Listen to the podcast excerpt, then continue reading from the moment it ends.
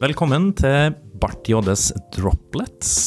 Eh, vanligvis er dette her en podkast om alt av javascript, men i dag så kjører vi en såkalt droplet-episode. Som er en miniepisode der, der en av oss tar opp et tema som vi diskuterer i plenum. Eh, I dag er det min tur, eh, og jeg tenkte jeg skulle starte med et eh, spørsmål. Um, og det spørsmålet er om tida er inne for å sette target til ES 2019 i f.eks. TypeScript. Um, og jeg har, jeg har, litt sånn her eh, info da jeg føler jeg må komme med. Takk.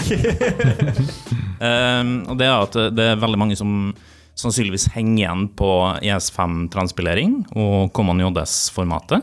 Um, det her snakka vi om i forrige podkastepisode, um, blant annet.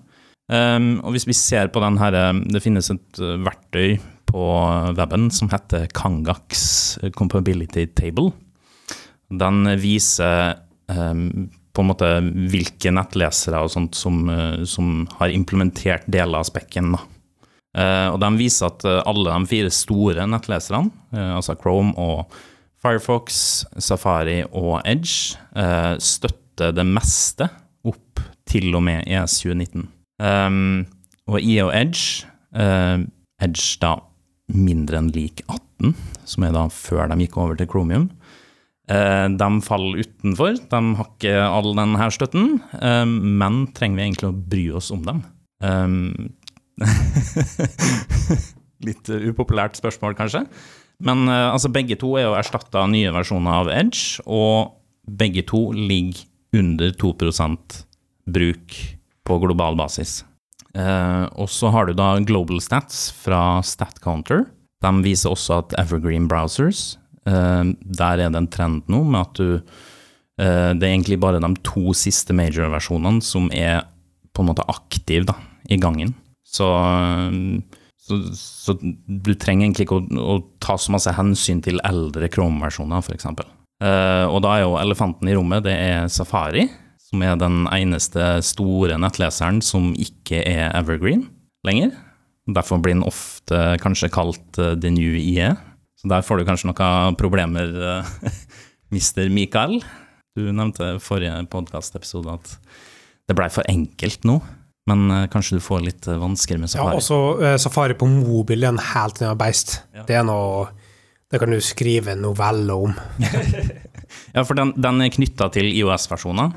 Uh, og selv om de to siste major-versjonene der støtter det aller meste i ES 2019 og nedover, så, så, så, blir de på en måte kobla til IOS-versjoner, som igjen er kobla til fysiske iPhones. da. Eh, men hvis du støtter de to siste, så støtter du i praksis telefoner tilbake til 2013, hvis jeg har rett data. Så Derfor er min konklusjon at vi allerede i dag kan begynne å sette target Tiden er nå. og module i TypeScript til det nyeste. Nesten det nyeste. Og dermed få brukt ESM og alle de kule greiene uten å transpilere fyr. Provoserende tanke, Kristian! Ja. Nei, men jeg syns det, det, er jo sånn man Det er jo det man drømmer om. At man skal komme til et punkt der alle er på en måte opp på det siste. Jeg, var, jeg synes det var superbra at du tok fram alle de statsa. Jeg var ikke klar over at det var, at det var der vi lå an. Men um, men ja. Nei, jeg kan bare si jeg er all in. Fordi jeg ønsker at det skal være sånn. Men av en eller annen grunn så føler jeg at til tross for de statsa, at det i praksis så Jeg vet ikke, jeg klarer ikke å uh, formulere hva det er som holder meg tilbake. Kanskje det er bare et uh, mar vondt mareritt som holder meg tilbake, men, men ja. Nei, jeg vet ikke. Det var, det var et ønske om å nå ut til alle, på en måte?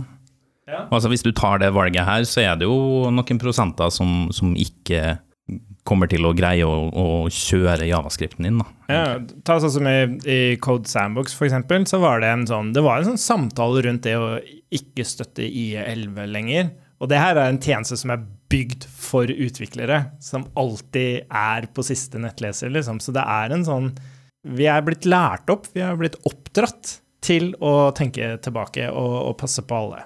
Hva, hva, hva var konklusjonen der, da? Sånn just for fun. Konklusjonen var vel bare det, det er, For meg så er det en sånn nirvana, en sånn drømmeverden som ikke eksisterer. til tross Du kan kaste så mye tall du vil på meg. Ja, jeg tenkte på om dere oh, ja, støtter sånn, ja. Ja, I11 eller ikke. Nei, vi, nei, nå støtter vi ikke IL lenger.